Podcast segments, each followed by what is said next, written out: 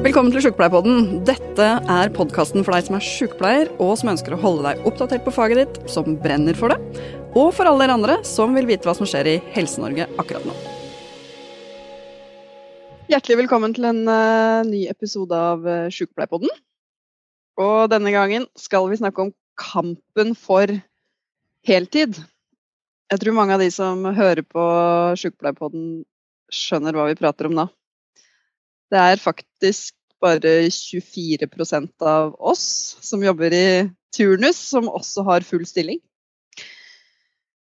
Og det er vel ikke stor forskjell mellom sykehus og kommune heller, Lill. Det er ganske jevnt over uh, dårlig stilt når det gjelder fulle stillinger i helsetjenesten.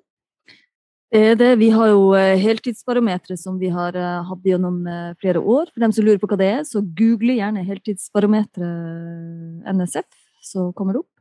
Med en oversikt over hvordan kommuner da, som har utlysning, altså hvordan utlysning av heltid-deltidsstillinger er da i de ulike kommunene over hele verden. Og det er ganske stabilt. På rundt halvparten, altså rundt 50% av alle utlysningen av sykepleierstillinger er deltid. Hmm. Og dette her er jo noe vi har jobba med i årevis, politisk. Hvorfor er, det, hvorfor er det viktig for sykepleierne? Og for pasienten kanskje også, ikke minst. Sånn som nå under pandemien så har vi virkelig sett betydninga av at det er viktig for pasienten òg.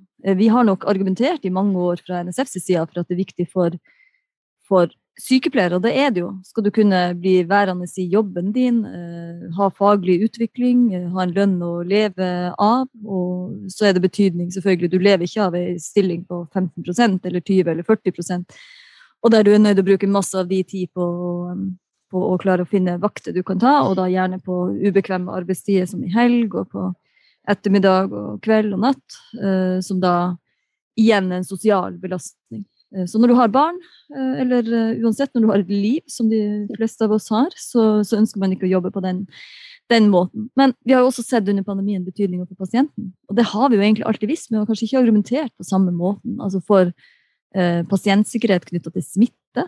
Eh, det at du hadde Når du driver på og må ta vakter på flere ulike institusjoner. Noen av dem vi var i snakk med, hadde jobb på fem ulike institusjoner for å klare å ha, fylle opp en, en 100 %-stilling. Det er klart at det utgjør en smittefare, ikke bare under en pandemi, men også i en vanlig situasjon for, eh, for pasientene.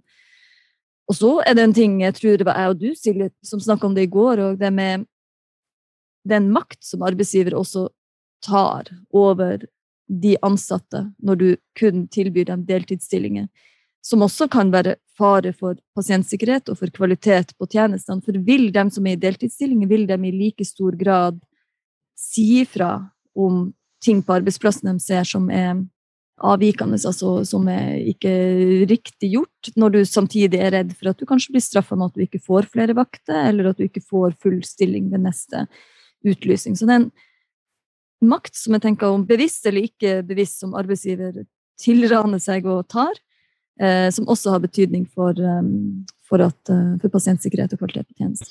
Mm. Og vi kjemper jo, altså Sykepleierforbundet kjemper jo den kampen her på mange fronter. Eh, kan du si. Altså En ting er jo liksom det politiske påvirkningsarbeidet som vi driver med hele tiden. Og det arbeidet som de lokale tillitsvalgte gjør på den enkelte arbeidsplass. Eh, og så har vi også en fantastisk uh, avdeling hos oss som vi kaller Forhandlingsavdelingen. og der jobber det mye dyktige folk som driver med tariff- og arbeidslivsspørsmål. Uh, vi har vært så heldige at uh, Magnus Buflod, som er advokat på vår forhandlingsavdeling, har avbrutt ferien for å bli med på podkast fra Sverige. Så tusen takk for det, Magnus, og hjertelig velkommen til Sjukepleierpodden. Tusen takk. Nå er det vel sånn at man også kan si at man er i Sverige. Det har jo vært et problem for alle hytteeiere lenge. Eller? Ja, og nei, det er sant. Det var kanskje outa jeg deg, men du er vaksinert da, tydeligvis. Jeg er vaksinert, og nå det er gode smittetall her jeg er, så det, det, går bra. Ja, men det er bra. Men uh, vel, vel, fortjent ferie, og så er vi glad for at du tar deg en time til å snakke om uh, heltid, og det du har brukt mye tid på uh, den siste tida, hvor du har ført en viktig og prinsipiell sak for oss i, i retten. Hvor nå fire sykepleiere har blitt saksøkt av arbeidsgiver for retten til å jobbe heltid. Kan du, kan du ikke bare kort fortelle om det, før vi også hilser på en av sykepleierne som vi har med oss? Vi har jo det er som du sa, veldig mange deltidsansatte sykepleiere. Og det har vært viktig for forbundet å bidra til at, at man fikk utnyttet eller benyttet seg av disse lovhjemlene som gir fortrinnsrett for deltidsansatte. Eh, og Det handler først og fremst om at den enkelte ansatte må si fra til arbeidsgiveren sin at de ønsker full stilling, og dersom de ikke arbeidsgiveren vil etterkomme det, så må man bringe saken inn for en, en tvisteløsningsnevnd, som er en, en lavterskel, eh, et lavterskeltilbud for å løse sånne tvister mellom arbeidsgiver og arbeidstaker om man skal få utvidet stilling. Det er mange av våre medlemmer som får hjelp av de tillitsvalgte eller fylkeskontorene våre til å utforme klager til tvisteløsningsnemnda, og som, som, da avgjør tvisten mellom arbeidsgiver og arbeidstaker. Eh, den saken vi har hatt på sykehuset i Østfold, der var det fire medlemmer som hadde sagt at de ønsket utvidet stilling, og hvor arbeidsgiver hadde sagt at det går ikke, og, og som brakte saken sin inn for tvisteløsningsnemnda. Og nemnda ga de medhold i at det var det var ikke noen uvesentlig ulempe for arbeidsgiver ved at en av de, eller flere av de fikk utvidet stilling, fremfor at arbeidsgiver da ansatte en, en ny arbeidstaker på sykehuset. Eh, og så er det riktig som du sa, at da ble de ansatte saksøkt, og det var fordi sykehuset var uenig i nemndas vedtak. Eh, og da er loven sånn at da må arbeidsgiver bringe saken inn for domstolen. Så det var det som skjedde i Fredrikstad. Mm. Og Ann-Kristin Skrøder, velkommen, og takk for at du stiller også. Du er en av de sykepleierne som ble saksøkt. Ja, det er jeg. Mm. Hvordan føltes det? Jeg vet hva, det var eh, Altså, det går egentlig ikke an å beskrive. Det var bare så surrealistisk. Eh, vi var innkalt på et møte. Det var den siste dagen før fristen deres gikk ut. Og vi hadde jo snakka om, vi fire hadde jo snakka om uh, ulike alternativer som vi tenkte kanskje var en mulighet. Da. Men det at sykehuset skulle saksøke oss, det, det hadde vi ikke vært innom. Det føles litt uh, så... amerikansk? ja, jeg tror, bare, jeg tror bare jeg satt og måpte. Uh, men heldigvis så hadde vi jo med oss både advokat fra, fra forhandlingsavdelingen og og representanter fra NSF. Så, så, det var heldigvis flere der som hørte hva som ble sagt. For jeg tror egentlig ikke jeg husker så veldig mye av det møtet. Nei. For du har stått i den konflikten her ganske lenge nå. Når, når var begynnelsen på det? Eh, hvis ikke jeg husker helt feil, så tror jeg stillingen var lyst ut i april 19. Mai-april 19 tror jeg det hele starta. Og så fikk vi jo avslag fra arbeidsgiver, og så sendte vi den første klagen til tvisteløsningsnemnda.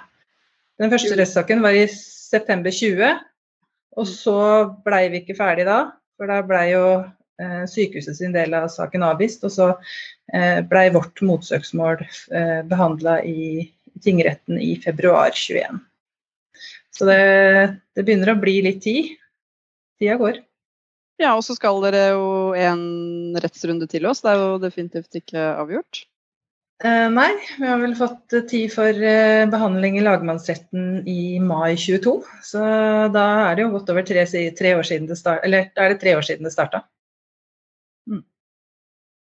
Og du har fortsatt ikke 100% stilling, Kristin, eller? nei, jeg eier 80% stilling, og akkurat fra desember og fram til nå så har jeg faktisk gått med vikariater på toppen, så jeg har hatt en forutsigbar 100% turnus. Eh, og så har jeg 15% av dem har jeg et år til pga. bindingstid etter videreutdanning. Så, eh, men fra 1.9.2022 så er jeg tilbake til min 80% stilling hvis ikke det skjer noe innen den tid. Mm. Og bare for å si det, og det, dere fire som da ble, ble saksøkt, eller som krevde rett til 100% stilling, dere jobber på barneintensiv, er det så? Nei, nyfødt Nei, intensiv. Nyfødt intensiv, ikke sant. Så det er ganske ja. spesialisert, det dere driver med. Det er en uh, veldig spesialisert avdeling. Uh, og jeg har jobba på den avdelingen i 21 år. Sånn at uh, min erfaring med voksne er veldig, veldig begrensa. Det er nyfødte jeg er god på. Mm. Hm. Ja, Magnus. Hva, hva, er egentlig arbeidsgiver sin eh, begrunnelse for å ikke gi de ansatte 100 stilling? Utgangspunktet her det er jo at deltidsansatte har fortrinnsrett. så Det er hovedregelen. Hvis du er eh, deltidsansatt, så, så gir loven en, en, rett til å utvide stillingen din. Eh, hvis arbeidsgiver trenger flere folk på jobb. Men så er det en sikkerhetsventil i loven. Det er, er sånn at Hvis arbeidsgiver kan påvise en vesentlig ulempe ved at den deltidsansatte får utvidet stillingen sin, så eh, kan den deltidsansatte likevel ikke gjøre fortrinnsrett gjeldende. Mm. Og Diskusjonen i denne saken det har jo handlet nettopp om arbeidsgiver hadde en vesentlig ulempe eller ikke. Eh, og De har jo anført litt ulike grunner for hvorfor de eh, avslo kravene fra Kristine og kollegaene hennes. Eh, de har vist til at de ikke vil få dekket helgevaktene. De har vist til at det vil være vanskelig hvis de får en deltidsansatt, deltidsansatt inn i forhold til Eh, han eller hennes mulighet til å, til å opprettholde kompetansen sin intensiv. Det er kanskje det, det, som har vært deres hovedargumenter. Da. Mm. Eh, systemet er jo sånn at her vil det jo bli en reststilling på avdelingen. sånn at Hvis Ann-Kristin får utvidet sin stilling, så får hun få 20 eh, utvidet stilling. Og den reststillingen den vil være det som var igjen mellom den stillingen arbeidsgiver utlyste, og Eh, og det som Ann-Kristin da har fått, i dette tilfellet 55 eh, Og alle sykepleiere vet jo at da jobber man deltid eller jobber man heltid på, med turnus, så jobber man tredje hver helg. Sånn at er, man får jo ikke dekket færre helgevakter om det er en 75% eller en 55% deltidsstilling som blir igjen til den nye søkeren. Så det er argumentasjon som vi fra arbeidstakersiden har vist at det, det mener vi er ikke er en, at det er ikke riktig, det arbeidsgiver sier her. Og når det gjelder kompetanse, så er det jo klart at det kan jo ha betydning muligheten din til å utvikle og opprettholde egen kompetanse, som Lill var inne på i innledningen, i forhold til hvor stor stillingsstørrelse du har. Men det er jo ikke gitt at du trenger å få den kompetansen bare på, uh, på én arbeidsplass. det kan løses på forskjellige måter. På nyfødtintensiv i på Sykehuset i Østfold, så er det enkelte av de ansatte som også jobber på Riksen og på Ullevål. Og da de, vil de sikre seg den kompetansen eh, de trenger for å, å, oppfylle det som arbeidsgiver sier er nødvendig erfaring for å bli en god nyfødt intensivsykepleier. Da. Eh, så, så, er det en egen diskusjon dette om det er heldig at folk har arbeid på forskjellige arbeidsplasser. Eh, men eh, i denne sammenheng så er jo eh, poenget mer å ettergå om den argumentasjonen arbeidsgiver fremfører for at det er en vesentlig ulempe, er, er holdbar. Og det mener vi at den ikke er i dette tilfellet.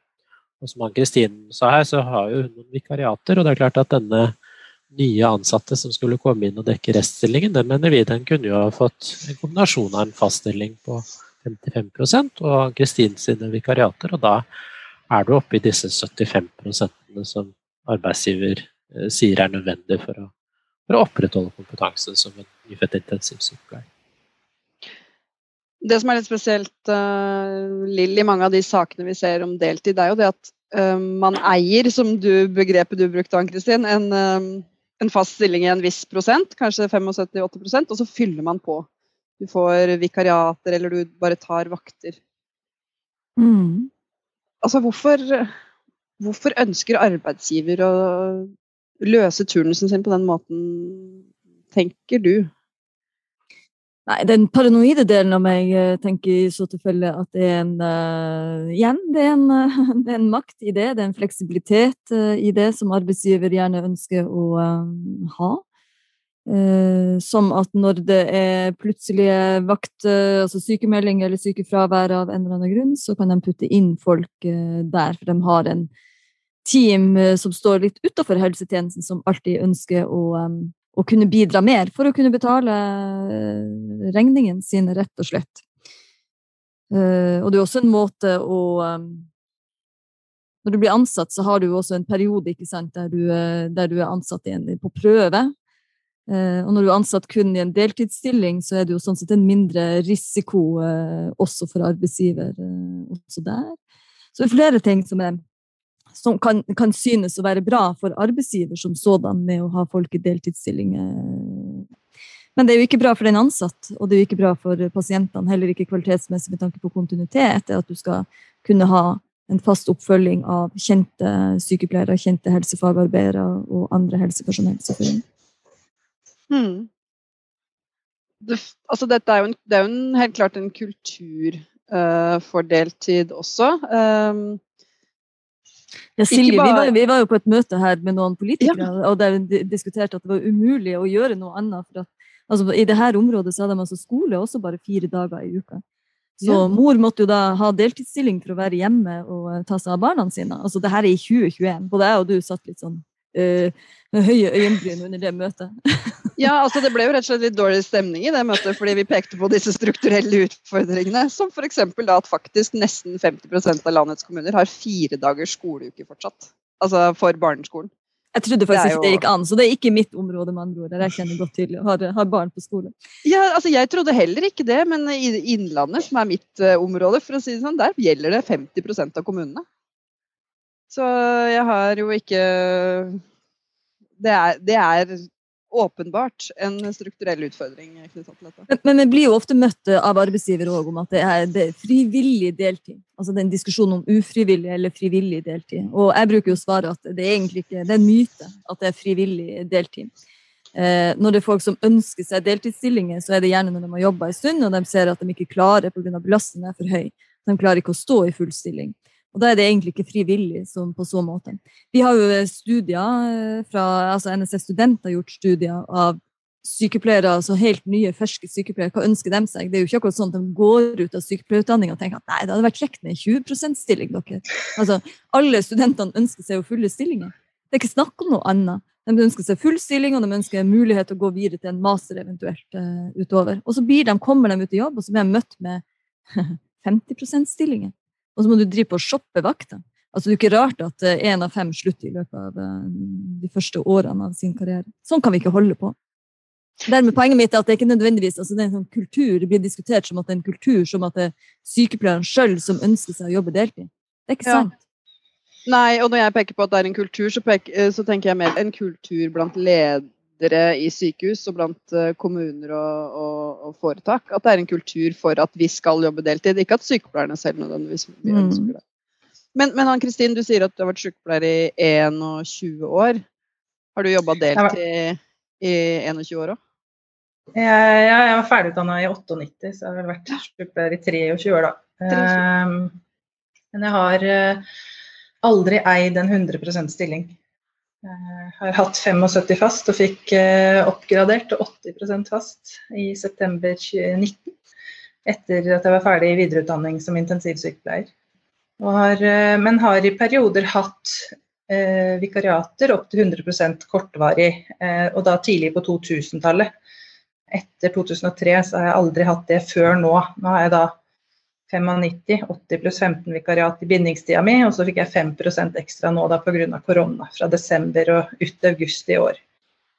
Um, så nei. Og på, på, vår avdeling så er det jo 56 ansatte, uh, og kun fire av de er, uh, går i turnus i 100% stilling.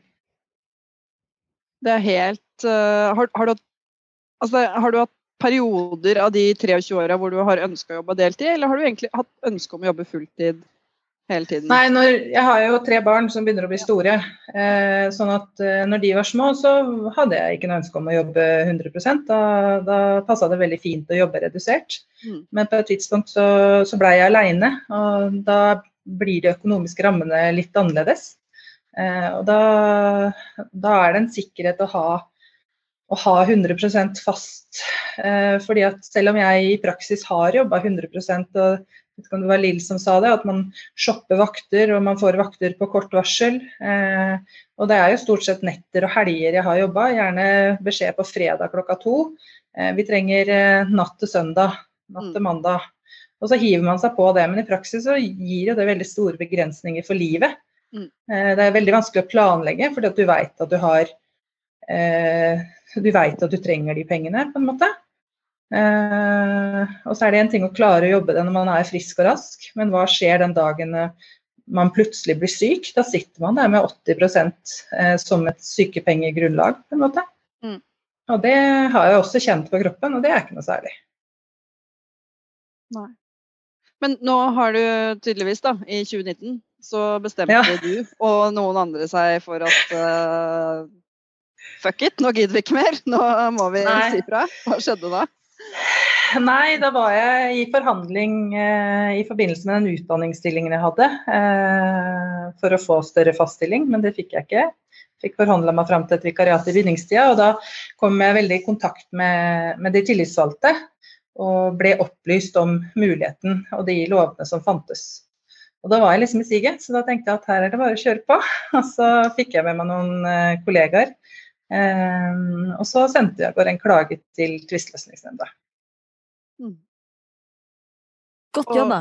Ja, veldig godt Ja. jobba. Jeg håper det er men, men altså, er du fortsatt like motivert? Har du på noe tidspunkt tenkt sånn åh, det her Det er helt klart at i perioder så er det tyngre. Eh, akkurat knytta til den rettssaken så var vel på en måte stressnivået høyest før den første rettssaken.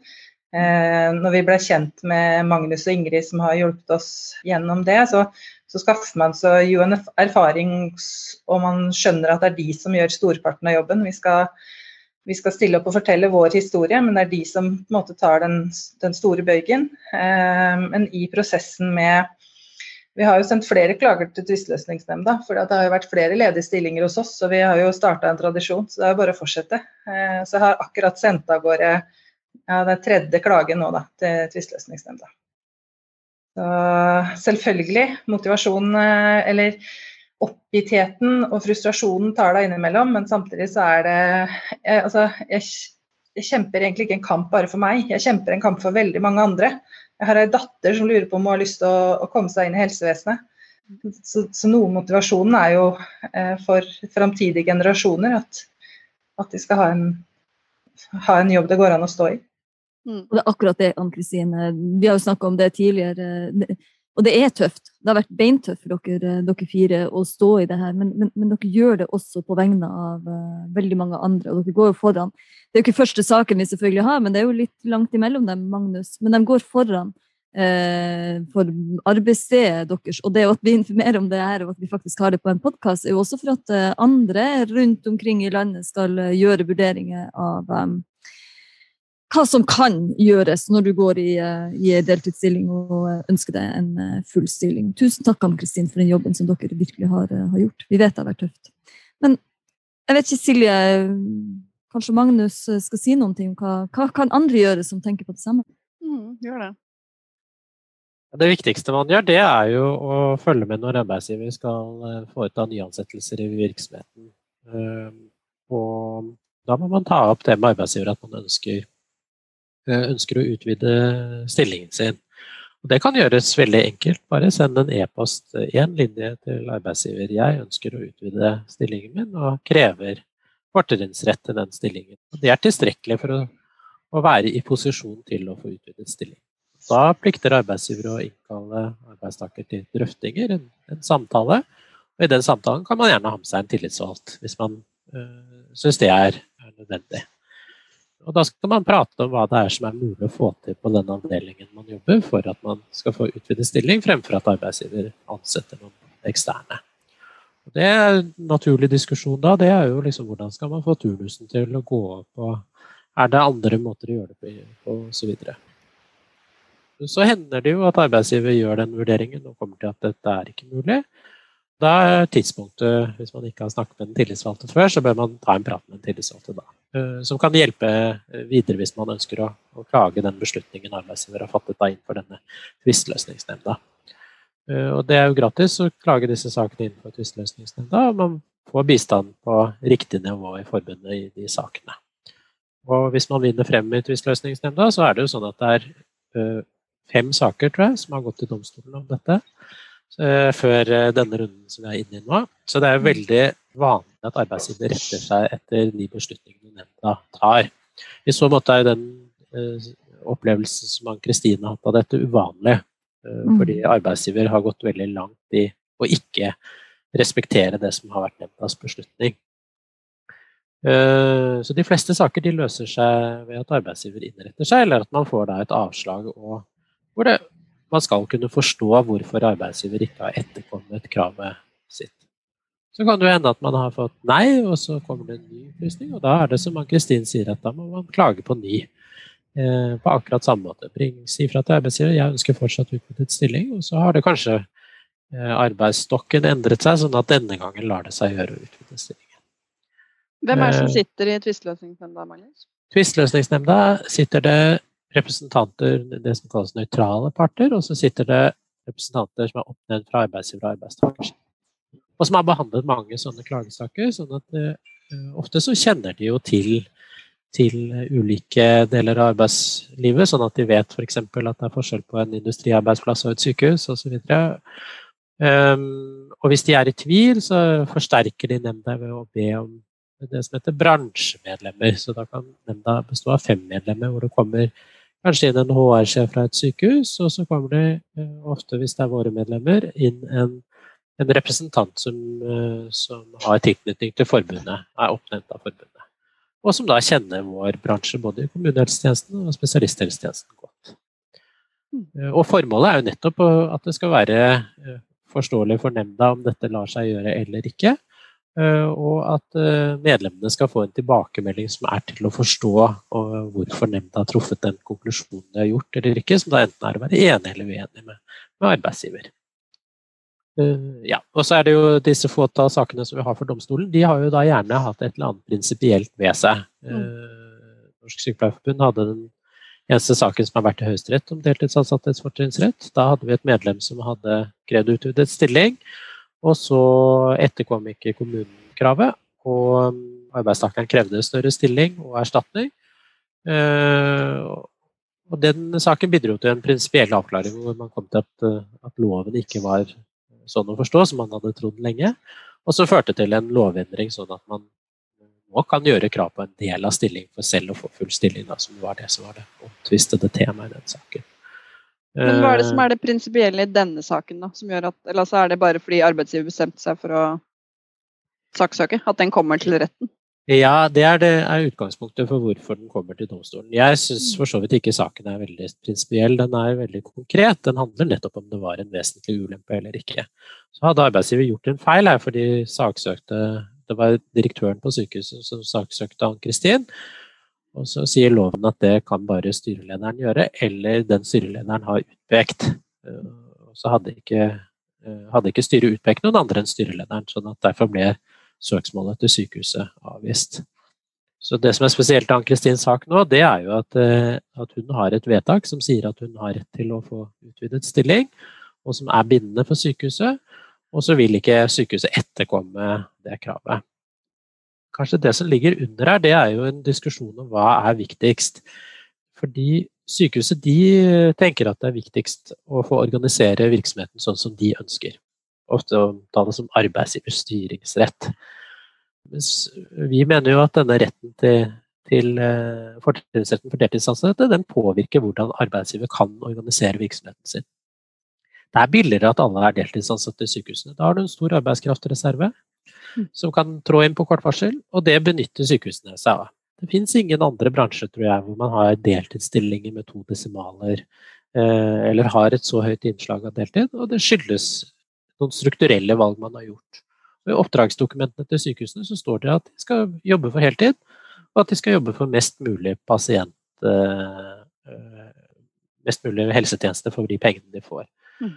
Og så har sykehusene valgt å prioritere det siste fremfor, eh, fremfor at flere får jobbe heltid. Og det da, da overser de det som har vært den samfunnsprioriteringen da, som arbeidsmiljøloven gjør her, ved å gi de deltidsansatte fortrinnsrett. Eh, I tillegg har de jo disse perspektivene som, som Lill pekte på i forhold til hva har det å si for kvalitet i det tilbudet pasientene faktisk får. Eh, Det er- nok eh, sånn at her har lovgiver gitt en klar prioritering om at folk skal få jobbe heltid. Og så følger, følger man ikke opp det i sykehusene fordi man mener man kan produsere mer helsetjenester. Man unngår overtidstillegg, da, for å si det veldig enkelt, eh, ved å ha bare deltidsansatte, fremfor å ha eh, heltidsansatte i kombinasjon, kanskje med noen deltidsansatte. Men, men fordi her har jo da, Ann-Kristin, dere har jo fått tilbud om en 100 stilling. Det er bare for å være litt djevelens advokat, så har dere det. Men da ikke bare på egen avdeling. Men også Nei. en del i bemanningsenhet. Ja, og det er sånn de praktiserer på hele sykehuset. Eh, De lyser bare ut fulle stillinger i hermetegn, eh, men det er stort sett alltid kombinasjonsstillinger. 50-75% på en hovedavdeling, og så 50 til 25 eh, på, um, i bemanningsavdeling eller heltidspool. Eh, Men vi er jo på en måte en særstilling, vi som jobber på nyfødtintensiv, fordi vi jobber på en avdeling med så spesialisert og sære pasienter, for å si det sånn. Eh, De kan ikke sammenlignes med noen andre pasienter i sykehuset. Eh, Det er ikke bare å oppskalere en nyfødt til en voksen pasient eh, og tenke ti ganger større. Det går ikke, det. Eller 100 ganger større. Eh, Og, og det er jo min kjepphest. fordi at der, ikke bare skal jeg jobbe for min del av 20% i bemanningsavdeling, men jeg skal fordele de 20% på to ulike døgnområder. To ulike fagområder. Og Der mener arbeidsgiver at jeg er sykepleier, til og med intensivsykepleier. Eh, Og etter 21 år på nyfødtintensiv så kan jeg bidra med spisskompetanse inn i bemanningspool. Eh, Og det mener ikke jeg, og da må jeg ta mitt faglige ansvar. Og, og ta ansvar for min egen faglige utøvelse, at den skal være faglig forsvarlig. Og det mener jeg ikke at den er. Jeg, jeg har dessverre ikke noe å gjøre 10% på hjerte og 10% på nevro f.eks. Det ville ikke være eh, gunstig verken for meg og min helse eller for pasienten og pasientens behandling og, og, og pasientens helse. Mm. Magnus. Replikk til Magnus. Nei, nei, og dette tror jeg også liksom preger litt uh, sykehusets uh, tankegang. Da, at de ser på en spesialsykepleier som en spesialsykepleier. Uh, og glemmer at det er jo fagspesifikk kompetanse spesialsykepleierne sitter med her. De har selvfølgelig en felles kompetanse med, med, med andre sykepleiere, men det er stor forskjell på, på hva slags spesialsykepleier du er. Uh, og I arbeidsrettslig sammenheng så har, det betydning for hva arbeidsgiver kan pålegge deg å utføre av arbeid på sykehuset. For det er liten tvil om at en spesialsykepleier på nyfødtintensiv vil kunne f.eks. bli bedt om å ta en vakt på varsel, da. Hvis det finnes lenger, er det riktig? Det er stor forskjell på om, uh, om du ber en nyfødt sykepleier gå over og ta bistå på barsel, eller om du sender henne inn på en hjerteavdeling. Og dette finnes det også høyesterettspraksis på at det ikke uten videre er sånn at fordi du er spesialsykepleier utdannet, at du skal måtte overta enhver spesialitet. Da. En jordmor vil f.eks. ikke kunne bli, eh, bli satt til å gjøre annet arbeid eh, som tilhører en annen fagdisiplin da, av spesialutdanningene. Magnus, eh, kjenner du til eh, Er det andre yrkesgrupper der de her diskusjonene kommer, eh, kommer, kommer opp? Har, må legene også søke om full stilling sånn det her, og få diskusjoner om at de skal være i en bemanningspool, sånn at ortopedene kan godt gjøre litt hjernekirurgi fra dag til dag? Eller hvordan fungerer det? Nei, altså Jeg kjenner ikke til at det er noen andre grupper enn sykehusansatte under legenivå som, som havner i en situasjon som dette. Og det er veldig pussig, også for meg som ikke kan så mye om sykepleie, å se hvordan man organiserer dette i et sykehus. Du vil ikke finne noen arbeidsplass som er dominert av menn med tilsvarende utfordringer. Arbeidsmiljøloven har jo et rikt sett av regler som gir rett for heltidsansatte til deltidsarbeid. Og det er jo gjerne sånn det har vært praktisert for andre yrkesgrupper, at man må søke om deltid for, når man har velferdsgrunner som som f.eks.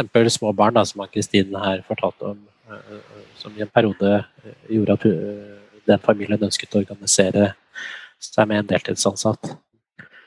Men, men dette er et særfenomen for helsesektoren, og det var jo den begrunnelsen også som lå, som lå der når Stortinget vedtok fortrinnsrett for deltidsansatte i 2005. Er det noe, er det noe altså For vi diskuterer jo dette med politikere hele tida. Og nå, på et eller annet tidspunkt så blir det litt sånn Ja, men hvordan Altså, hva skal til da for at heltid blir eh, faktisk normen? Er det noe lovspor, Magnus, som du ser for deg? Dette her har du sikkert ikke forberedt deg på, men jeg regner med du har tenkt på det mange ganger. Er det noen tilkneppinger i lovverket vi kunne sett for oss for at arbeidsgiver faktisk må eh, tilby 100% stillinger? Jeg syns for så vidt at den bestemmelsen som ligger i loven i dag, er veldig god. Eh, så kan man diskutere om den praktiseringen man har av den, er eh, god nok, og om den, om den har, er effektiv nok. da. Ikke sant? Fordi sånn som Kristin fortalte, så søkte hun på en jobb i eh, sommeren 2019 om lag. Og uh, i lagmannsretten så skal vi i mai 2022. Det går ganske mange år før du får en, en, et, et svar her. Det er veldig uheldig. Hvorfor er det så lenge til dere skal i lagmannsretten? Det er ventetid i norske domstoler. Lagmannsretten det, tar det ofte et år før saken kommer opp. Og det, dette er jo en sakstype som skal prioriteres av domstolen, men den kommer selvfølgelig bak i køen i forhold til f.eks. For uh, straffesaker, som er høyere prioritert. Ja, Lovbestemmelsen er i utgangspunktet god. Det den mangler, det er jo kanskje det som man pekte på i 2005, nemlig en prioritetsregel. Det er klart I Ann Kristins sak så var det fire sykepleiere som søkte om utvidet stilling, og de søkte jo egentlig om mer utvidet stilling enn det, det denne stillingen var. De søkte om 95 da, hvis alle fire skulle få full stilling, og så var det arbeidsgiver sa var arbeidskraftbehovet 75 eh, Og Da blir det jo vanskelig å vite hvem er den som fortjener denne stillingen eh, mest. Og det pekte man på allerede i 2005, at det, kanskje man burde ha en sånn prioriteringsregel. Og så fant man ut at det var best at arbeidsgiver selv bestemte. Uh, og det høres jo tilforlatelig ut. Problemet er jo bare sånn som i Kristins sak, at det er jo ikke gitt at arbeidsgiver vil bestemme noe. Og hva skal domstolen gjøre da? Hvordan skal domstolen velge hvem av de ansatte som skal få utvidet stilling? Skal alle få, eller skal bare én få? Og dette har ikke lovgiver uh, løst, og det burde de nok uh, ha gjort, tror jeg. Så der er det et, uh, en svakhet ved regelverket. Mm. Mm. Og så tror jeg man skulle ha jobbet mer med, med de begrunnelsene som tvisteløsningsnemnda gir. Der syns jeg det virker som man har falt i en sånn standardiseringsfelle. Sånn at man gir veldig lite substans tilbake til de arbeidstakerne som søker. Som gjør det mulig for de å forstå hva kunne jeg gjort annerledes for å få utvidet stilling, og forstå den begrunnelsen som, som nemnda har funnet eh, og, og veid god nok. Da. Det kommer ofte svar på formen eh, nemnda har etter en samlet vurdering kommet til at det foreligger vesentlig ulempe. Og Det er klart det er ikke mulig å forstå for noen arbeidstakere, ikke noen arbeidsgivere heller, hva det er som var utslagsgivende i den saken. Så man må etter mitt skjønn gå mye mer konkret til verks, sånn at uh, nemnda også kan virke veiledende for arbeidstakerne i forhold til om det er noe de kan gjøre, uh, eller om det rett og slett er sånn at det kanskje ikke er mulig å få flere, heltidsstillinger uh, på denne arbeidsplassen. Mm. Sykehuset i Østfold, den avdelingen som Ann-Kristin jobber på, var jo jeg vil si det er en versting. Det var tre faste heltidsansatte og 57 deltidsansatte om lag. Og det er klart, Da syns jeg det er vanskelig å se at det ikke skal være mulig at én til får hel stilling. Så vil det selvfølgelig finnes andre eh, arbeidsgivere som har vært mye flinkere. Eh, vi har sett noen tall fra en tilsvarende avdeling på Ullevål, hvor, ledelsen har prioritert at flere skal jobbe heltid, og får det til på langt høyere prosenttall. Godt opp på 40-, 50- og 60-tallet. Så det finnes jo gode eksempler her som kanskje vi skulle ønske at flere arbeidsgivere så hen til å og kopierte, da. Mm. Hvis ikke så eh, Vi diskuterte jo der, Ann Kristin. Jeg prøver jo stadig vekk å få folk til å flytte nordover. Så um, i, i, Tromsø så lyser de bare ut fulle stillinger. Jeg trenger ikke flytte helt til nord. Det holder å flytte til Oslo. Ja, vi diskuterte jo litt det hos Ann Kristin sist når vi, når vi snakka om må man, må man flytte for å få det til. Og hva skjer i så tilfelle med den kompetansen? Den kompetansen som du har, den trengs jo i det området du er. Så når arbeidsgivere blir så krevende å forholde seg til at folk faktisk flytter, hva skjer da? Det er jo noe med befolkninga sitt tilbud i de, i de, områdene som det, det, går utover. Vi skulle gjerne ha det til nord, altså. Er ikke det? Hyggelig, det. Tror, tror ikke det. men, men Ann-Kristin, jeg, altså, hvordan er det egentlig å være altså Den konflikten her En ting er jo at det tar tid, liksom. Men hvordan er stemninga på jobb? Er det, er det liksom Går du lange omveier om sjefen sitt kontor, eller er det liksom et avklart I perioder så har jeg nok gjort det.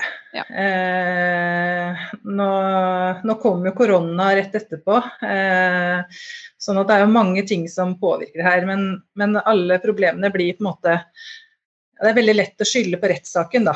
Eh, selv om jeg egentlig ikke For min del så var liksom de første ukene verst, og så har liksom det gått seg litt til. Og grunnen til at det går an å stå i det, er jo fordi at eh, vi har jo fått massiv støtte blant kollegaene mine eh, som jobber på avdelingen. Folk stopper meg i gangen på sykehuset eh, og sier heia, heia. Mm. Alle, alt dere har satt i gang med. Vi har hatt kjempestøtte fra lokale tillitsvalgte. Eh, det er egentlig ikke noe som preger meg i hverdagen lenger. Eh, men det er veldig mange som spør, og det er bare hyggelig. Jeg prater og informerer mer enn gjerne. Jeg har ikke noen negative følelser knytta til noe. Jeg forstår, at, jeg forstår at det var det skrittet arbeidsgiver måtte ta fordi at de var uenige med oss. Eh, selv om jeg akkurat i det øyeblikket jeg fikk beskjed om det, følte at det var fryktelig urettferdig. Eh, Oppfølginga fra lokal ledelse kunne helt sikkert vært bedre, men jeg kunne sikkert gjort ting annerledes, jeg òg. Eh, sånn at der, Altså, jeg har jobba 21 år på nyfødtintensiv, det er der jeg har hjertet mitt. Mm. Og I de vanskelige periodene så valgte jeg å fokusere på den jobben jeg skulle gjøre med pasientene, og ta imot det jeg fikk tilbake fra pasientene. Og det var det som dro meg på jobb hver eneste dag. Og så eh, har det vært perioder hvor jeg har eh, snakka om været med lederne mine, og så føler jeg vel kanskje at vi er, vi er vel litt mer på glid nå.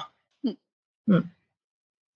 Du er beintøff. altså Jeg tenker at det er mange som ikke ville håndtert det, eller turt å gå inn i det i det hele tatt. ikke sant? Det er utrolig Det er bra for oss alle at noen går i front. Ja, og så har jeg ikke vært alene, da. Vi er jo fire stykken. Eh, og det hadde vært annerledes å stå i det alene fra starten av. Eh, det hadde ikke vært like enkelt. Nå har vi vært fire som, som kunne liksom støtte hverandre. Har den ene vært nede, så har den andre dratt den andre opp.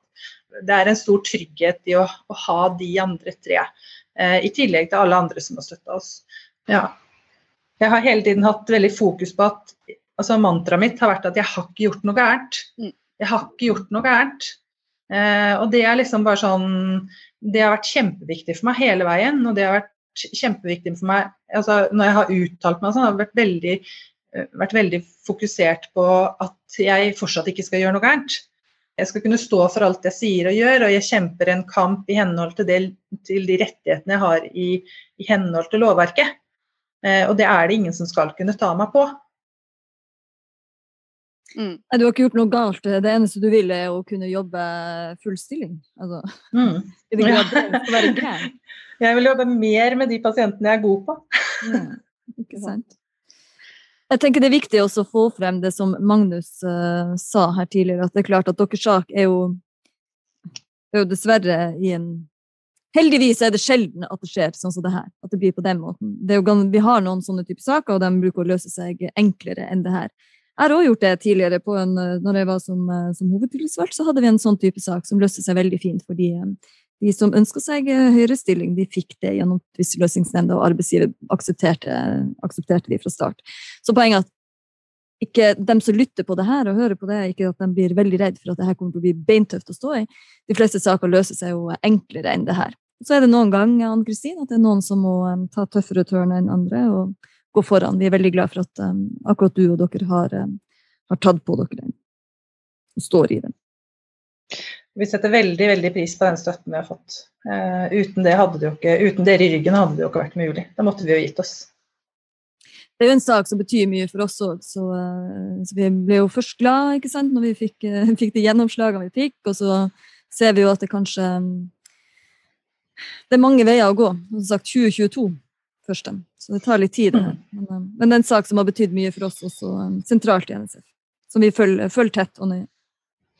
Men når vi kommer til 2022, da, hva er målet i lagmannsretten, Magnus?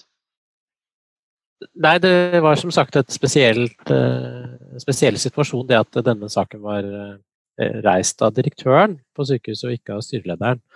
Um, og vårt mål det er jo at uh, domstolen da skal være enig med oss at disse nemndsvedtakene er bindende for alle de fire i saken, og at de dermed har rett til å få utvidet stillingen sin.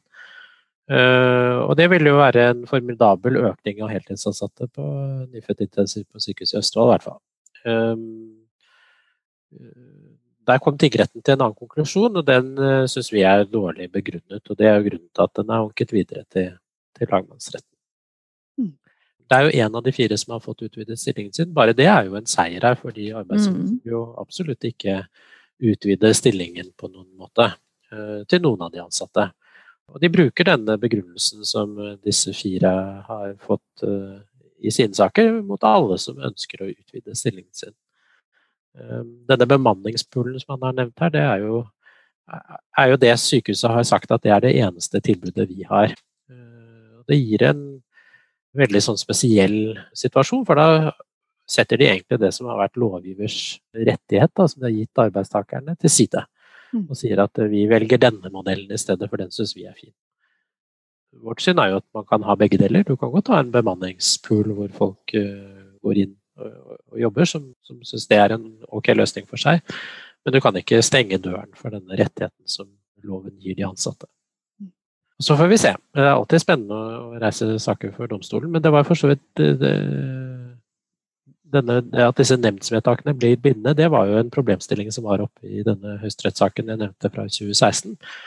Og, og hvor Høyesterett kom til at de, de var ikke bindende, disse vedtakene. Og etter det så endret Stortinget loven for å sikre nettopp at arbeidsgiver måtte etterleve de vedtakene som nemnda har fattet. Da.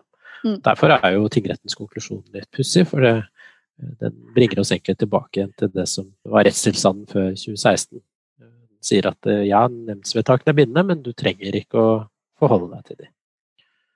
Ja, det, er, mot, det, er motsetningsfylt, den siste setningen der. Det er ikke noe tvil om det. Det er bindende, men du trenger ikke å forholde deg til det. Ja. Nei, men vi er, jo, vi er, jo, så heldige at vi har Magnus som også nå har fått uh, møterett til Høyesterett. Så skulle det bli behov, så tar vi det helt til topps, gjør vi ikke det, Magnus? Vi kjører på.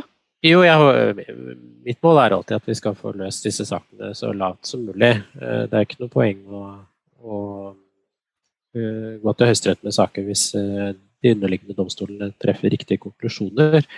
Men dette spørsmålet er jo viktig, og det er uavklart. Da. Hvis man skulle tenke seg at nemndas vedtak bare er delvis bindende, en slags relativ bundethet, det, det, vil bli veldig spesielt. Jeg kjenner ikke til noe annet, noen andre saker hvor det er sånn. Har du fått en dom i domstolen som er bindende, så må du forholde deg til den. Det er ikke noen andre som kan gjøre noe som endrer innholdet i, i den dommen. Og sånn mener vi det er for disse nemndsvedtakene også. Vi skal begynne å runde av. Um, Ann-Kristin, får du litt sommerferie i sommer, eller? Du òg? Ja da. Skal du til Sverige? Eh, ja, det var blitt på en harrytur, det da vel. Nei, jeg holder meg i Norge, jeg tror jeg, i år. Ja. På Men det blir ferie. Og litt ferie. Ja. ja, ja, ja. Nei, ferie skal jeg ha. Veldig bra. Lill, mm. vi kjemper på, vi. Vi gjør det. Heia oss! Heia oss! Dette her er jo det ultimate eksempel på hvorfor det er viktig å være fagorganisert. Alle burde jo lytte til dette, hvorfor eh, fagorganisasjoner har en viktig rolle i norsk arbeidsliv. I tillegg til ferie og diverse andre ting som vi kjempa frem som rettigheter gjennom mange år. Ja, ja, sant. Helt enig. Magnus? Ja, nei, kan jo si det så Dette spesielle med at eh, Ann-Kristin har blitt saksøkt av arbeidsgiveren sin, det er jo sånn at eh, hvis hun ikke hadde hatt en fagforening i ryggen, så ville hun jo måtte tyre en privat advokat og betale for det. Eh, så, og det ville være en veldig sånn spesiell situasjon og veldig kostbart for en enkeltarbeidstaker å ha en sånn tvist. Så det å ha en fagforening i ryggen som kan bidra til å utligne styrkeforholdet mellom arbeidsgiver, det viser jo denne saken at det er høyst praktisk eh, for noe så enkelt som å ønske å jobbe heltid. Mm. Da tror jeg vi ønsker lytterne god sommer. Eh, Lill skal sikkert gå noen fjellturer, og eh, vi skal kanskje løse noen bøker. Det har vi tenkt å dele med dere også på forbundsledelsen sin Instagram-konto, som jeg håper mange av lytterne våre følger. Og så etter sommeren, da begynner det man kaller den korte valgkampen. Da er det jo bare noen uker, så 13.9 er det stortingsvalg. Og det kommer òg helt sikkert Sjukepleierpodden til å bære preg av. Vi har invitert inn noen uh, politikere.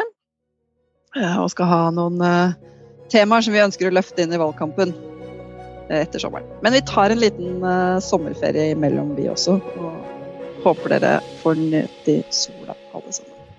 Ha det bra.